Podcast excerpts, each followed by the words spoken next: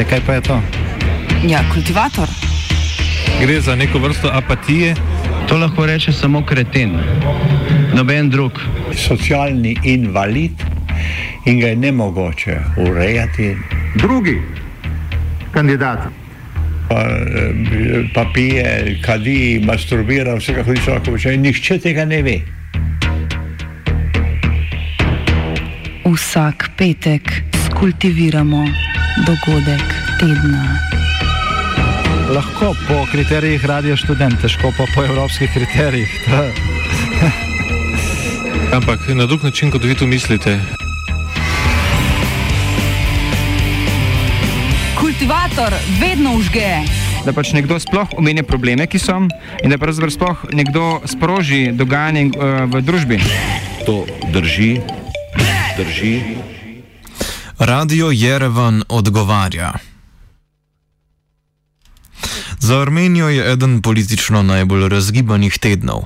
Politična kriza v tej državi traja že vse od podpisa mirovnega sporazuma z Azerbajdžanom decembra lani, s katerimi se je za Armenijo precej neugodno končal lanski spopad v Gorskem Karabahu. V zadnjem tednu pa je kriza očitno dosegla krešendo. Prejšnji teden je armenski premijer Nikol Pašinjan na Facebooku vojsko obtožil poskusa izvedbe državnega udara. Sam vrh armenske vojske ga je namreč pozval k odstopu z utemeljitvijo, da premijer in njegov ministerski kabinet nista sposobna sprejemati ustreznih odločitev, ko se pojavijo kritične situacije.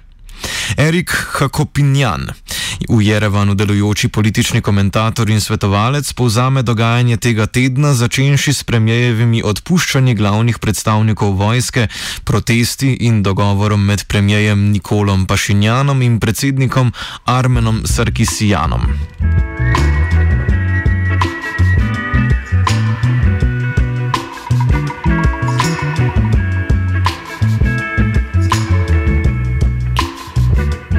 Last Thursday morning, the prime minister essentially fired what is the army chief of staff. The army has two heads there's the civilian defense department head, the Ministry of Defense. And that's not that individual that was fired. He was the actual chief of staff, and the chief of staff is the person that runs the army on a daily basis. And that person was let go the day before his uh, assistant was let go. That led to a press release that was sent out Thursday morning essentially saying that uh, the military brass or the chiefs of staff have lost confidence in the prime minister and the prime minister should resign. That was seen by many supporters of the prime minister as some sort of a backhanded coup attempt. And that led to demonstrations and counter demonstrations for or against the prime minister uh, or the opposition. The prime minister's supporters were out in much greater numbers, partially because he's got a bigger base and more supporters than the opposition. And uh, essentially, issue was somewhat resolved by uh, Wednesday when the president, who was supposed to sign the firing, made a deal with the prime minister and essentially let this let the firing stand uh, based on court review that the court, the Supreme Court might allow, might accept to review this case, or it might not. If it doesn't review the case, the chief of staff gets fired. If it, if it decides to review it, then it'll render a decision that his, his firing was legal or not. Vojska je odstop premijeja Pašinjana zahtevala potem, ko je na njegov predlog predsednik države Armen Sarkisjan zamenjal prvega namestnika načelnika generalštaba Tirana Hačatrijana. Razlog za zamenjavo prvega namestnika načelnika generalštaba je bilo njegovo posmehovanje Pašinjanovim izjavam glede raketnega sistema Iskander, ki naj bi bil eno najmočnejših orožij armenske vojske, ki pa se v vojni ni ravno izkazalo.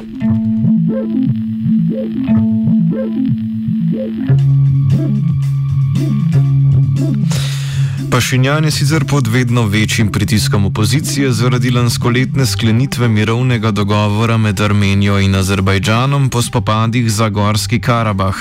Armenija je morala z mirovnim sporazumom Azerbajdžanu odstopiti nadzor nad večjim delom Gorskega Karabaha.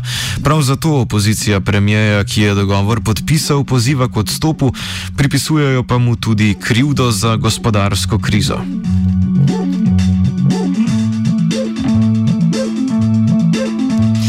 Claire Nuttall, urednica BNE IntelliNews, omeni, da je opozicija sedaj opogumljena. Verjamejo namreč, da bo izgubljena vojna z Azerbajdžanom pripomogla k padcu premijejeve popularnosti, kar bi pomenilo več možnosti na volitvah za nje. Ljudje so namreč izredno jezni zaradi decembrskega podpisa mirovne pogodbe. Um, until recently, I would have said no, um, because what what happened, is, as I'm sure you know, was that um, with the Velvet Revolution, uh, there was a, a, huge backlash against the Republican Party, which had been in power for, for many years. Um, that party was ousted. Uh, Pashinyan, who was a former journalist, um, who who led the protests was then elected with a resounding victory a few months after the after the revolution, um, and I mean his support was extremely high. I think it was in the 70s or 80s until before the war in Nagorno Karabakh. But I would say that really changed everything because um, uh, that that caused a huge amount of anger in Armenia that um, Nagorno Karabakh, which is, is historically hugely important to Armenia and, and also to Azerbaijan uh, on the other side of the conflict. Um, people were really devastated that that they had lost the war there. There was a, huge loss of life. Um, I think it was it was well over six thousand people died on, on the two sides.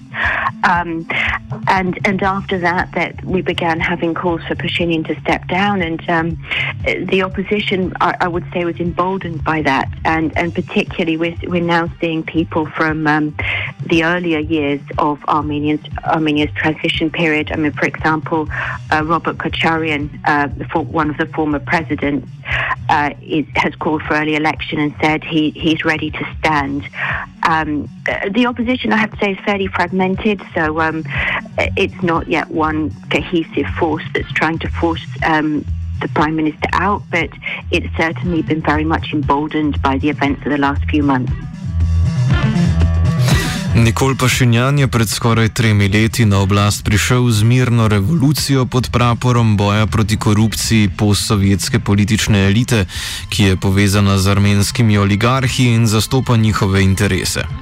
Takrat je imel Pašinjan zelo široko podporo armencev, čeprav so sedaj številni razočarani nad rezultati njegove vlade, to še ne pomeni, da je podpora zaradi tega zrasla opoziciji, ki je pred njim dolga leta obvladovala državo. The opposition that he's up against, you know, controls most of the media.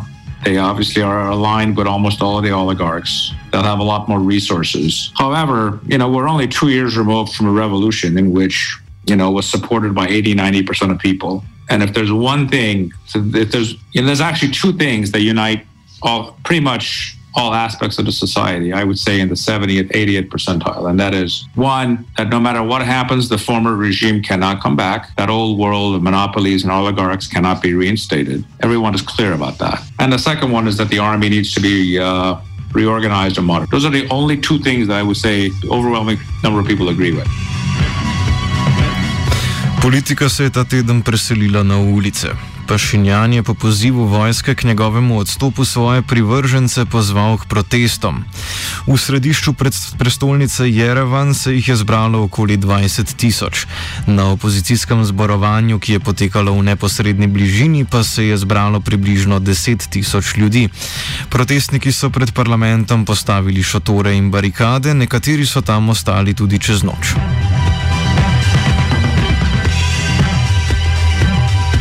Hacopjan ob tem opozori, da trenutni protesti sploh niso številčni glede na armensko bogato tradicijo protestiranja, ter predstavi demografsko sliko podpornikov opozicije in pašinjana, kakor se ta kaže na protestih v Jerevanu. In Armenija je tradicija velikih demonstracij. People in this country take their uh, free speech right and their act, their ability to act in politics very seriously. During the revolution, you had hundreds of thousands of people that would come out. Even during the Soviet period, when the beginning of the Karabakh movement started, you would have as many as a million people out in the street. People, when people get activated here, they, they act in huge numbers. None of these demonstrations have come anywhere close to that. Prime Minister's demonstrations of his supporters are probably 30 to 50,000 people, and then the oppositions are probably, you know, two to 5,000 people. So for the most part, most people are not engaged. And it's almost all the activity has been in Yerevan because because that's where the show of force is. You know, there, there's this almost this weird uh, old world, like it's the Greek agora, you know, who can get more people out in the street type of fight between these two sides, which, by the way, has been entirely peaceful. All these people are, they demonstrate in different places and they have their say and they go home. This is not what we're used to. When people get activated here, they, they come out in much bigger numbers, which tells you there's a significant number of people that are apathetic towards both sides. Uh, they don't like the opposition and they're not satisfied with the prime minister. Uh, and as far as demographically, the prime minister's supporters are far more diverse. They tend to be younger, uh, far more gender equal, uh, while the opposition ones tend to be 70, 80% male and above 50. You're getting an older male crowd, while the op- the prime minister's one is far more. You know, you'll get the the hippy dippy girls with blue hair next to you know the farmers from the countryside and working class people. His his his constituencies are far more diverse. Pašinjan je na shodu svojih privržencev povdaril, da kljub napetim razmeram, ki se v državi stopnjujejo, do oboroženih spopadov ne sme priti in da je nova politična nestabilnost, ki se odraža v večmesečnih protestih proti njegovi oblasti, še vedno vladljiva.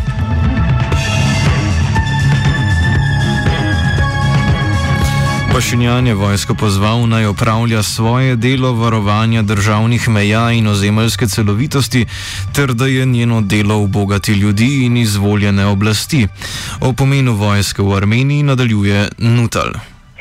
Well, it, it's obviously quite a, a militarized state. I mean, that it's. I don't know the exact figures, but it, it's certainly one of the high, the highest spending states as, as as a share of its GDP. I mean, the army is important uh, really because um, Armenia and Azerbaijan have been in this state of frozen conflict for so long.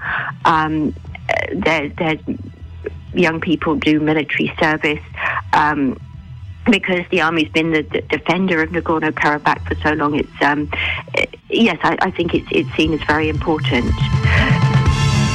Hadzopjan razloži, zakaj je bila vojska desetletja spoštovana in popularna v očeh Armencev. This is a conscript army. This is essentially a democratic army. These are not professional soldiers. For the most part, you have a conscript army, which means it's the people's army. Almost everyone has an experience of serving. This is not some specialized group of people that are not involved in everyday life. Everybody has an uncle, a brother, a sister, a, a nephew who's son or daughter who's in the army or uh, been at the war. The the army, the concept of the army itself has always been quite popular because who doesn't like the people who defend you? But that's different from the army brass or the army as a structure or the army leadership or the command. Up until the start of this war, and due to its its victorious role in the early 90s war with Azerbaijan, the army had was quite popular in the sense and quite respected. Who doesn't like? And there was even a perception among people who were against the former regime and wanted change or wanted drastic change or revolutionary change, like we got in 2018 that the army itself was sort of sacrosanct and it was not affected by the corruption of the uh, state structures. Izguba v nedavni vojni z Azerbajdžanom je prinesla preobrat javnega mnenja o vojaškem vodstvu. And the army brass and the leadership have taken a great fall in, their, in what the public perceives of them. This does not obviously extend to your average soldier who fought heroically under very difficult circumstances. So we have to differentiate the concept between the army leadership and the, the concept of the army. The concept of the army is always popular and always will be. But the leadership of the army has lost considerable uh, credibility in the eyes of ordinary people uh, because of the results of the war and what is perceived to be their handling, their failures, incompetence, however you want to describe it. So that's the traditional historical role, and the army staff not having the credibility that they used to is something new. Uh, and it was some somewhat, you know, uh, you know, they sort of demand the government to resign, and the government's response is to do huge demonstrations and essentially showing them that they they don't matter in the context of deciding who should stay in government or who shouldn't. Pašinjan je kasneje zahteval tudi razrešitev načelnika generalštaba Onika Gasparjana. Odlog pa je predsednik države Sarkisjan zavrnil, saj najpogoste menjave oseb na položajih ne bi rešile politične krize v Armeniji. Predsednik vlade in predsednik države sta se dogovorila, da naj bo zadeva obravnavana na sodišču. Nutal meni, da se predsednik države s svojimi potezami trudi umiriti napetosti med Pašinjanom in vojsko. I think, um, as, as far as I can see, the, the president's role seems to be one of um, uh, trying to dampen down tensions as, as far as possible.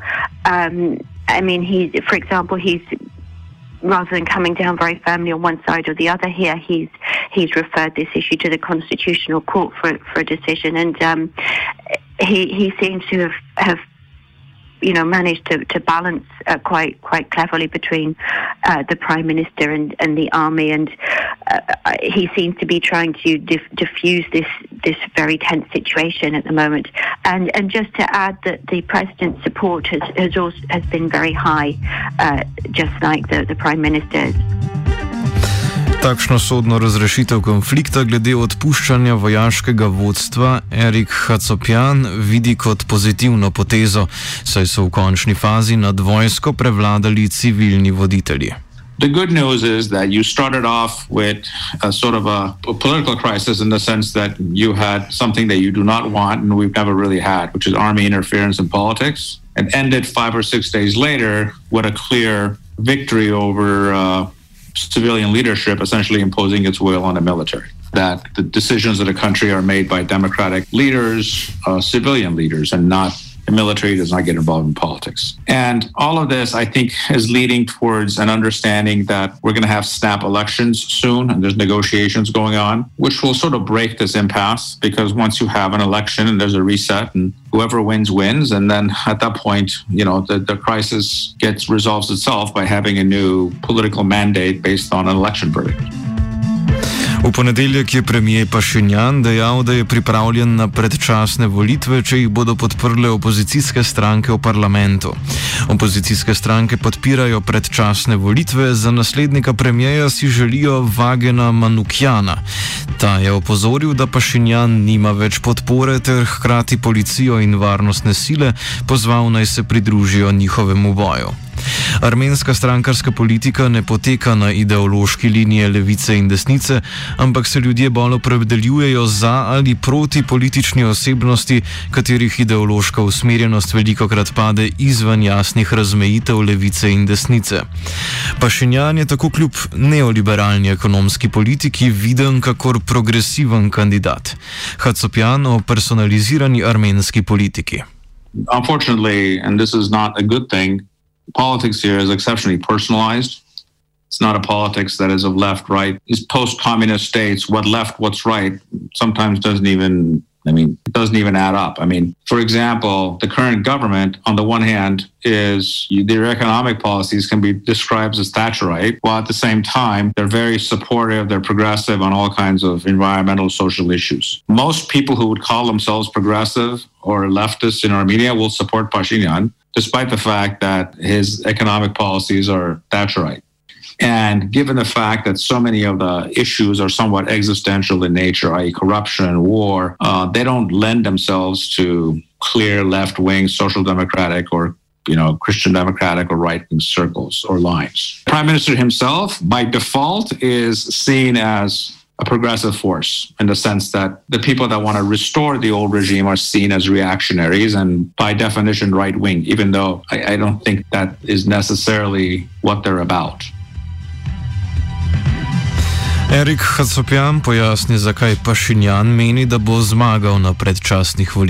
The reason he's calling for snap elections is because he knows he can win them. In, in uh, parliamentary systems, uh, you have a five-year mandate and you don't have to call any elections until the five years up. And whenever any sitting government usually calls elections is because either their mandate's up or because they think they can win re-election. So his calculation is that the current opposition as it stands is not capable of beating him because the current opposition as it stands is entirely connected to members or the political parties that are assigned that are aligned with the old regime that have no popularity whatsoever and very small bases and uh, are most likely will be beaten by him by significant margins. Nutel meni, da je Pašinjan močno oslabljen, a pravi, da to ne bo nujno dovoljšni razlog za poraz. Yes, yes, absolutely. Uh, I, I, I really think that until until then, I mean, people may not have been entirely happy with, with everything, but uh, there was certainly very strong support for uh, Nikol Pashinyan's uh, government. Um, uh, like I said, he he was elected with a very strong majority in the last election, and um, his supporters really stayed at a high level and, until then. Uh, well, I would say for the opposition, this would probably uh, be a time when they would want to seize on that um, because Pashinyan is no doubt weakened uh, by the, the, the, defeat in, in the war last autumn.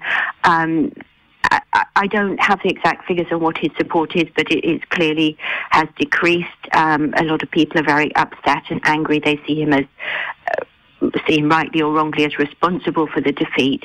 Um, so, so yes, I mean, there's a lot of calls for early elections. Uh, it wouldn't necessarily lead to a defeat um, for Nikol Pashinyan, but he would certainly be very much weakened. He wouldn't have the, the very strong majority that he has at the moment. Hacopjan predstavi Pašinjana kot spretnega politika z dobrimi političnimi instinkti. He's been in elective office for six, seven years because even prior to him becoming, prior to revolution, he was a member of parliament as the opposition. But he's been a political activist and involved in Armenian politics for 20 years. He's in fact, you know, as he's he's an exceptionally political animal. He understands he probably has a firmer grasp of the street and the uh, the thinking of the average voter, especially working class and rural voters, than any person that's ever been in politics in this country. So uh, he he's not in any way he when it comes to bean counting and you know counting the political angles, he's as good as it gets because this is his life. That's all he's ever done. He's a political activist and a politician. So his inexperience doesn't really matter there. He's inexperienced in governance, but he's not inexperienced in the basics of politics. Kdaj naj bi bile razpisane volitve, za zdaj ni znano. Pašinjan kasneje predlaga tudi referendum o spremembah ustave, ki bi povečala moč predsednika republike. Buren teden v Armeniji tako morda ne pomeni stopnjevanja politične krize, ampak se s prostitvijo napetosti, ki se kopičijo od neuspešne vojne z Azerbajdžanom, razmere umirjajo.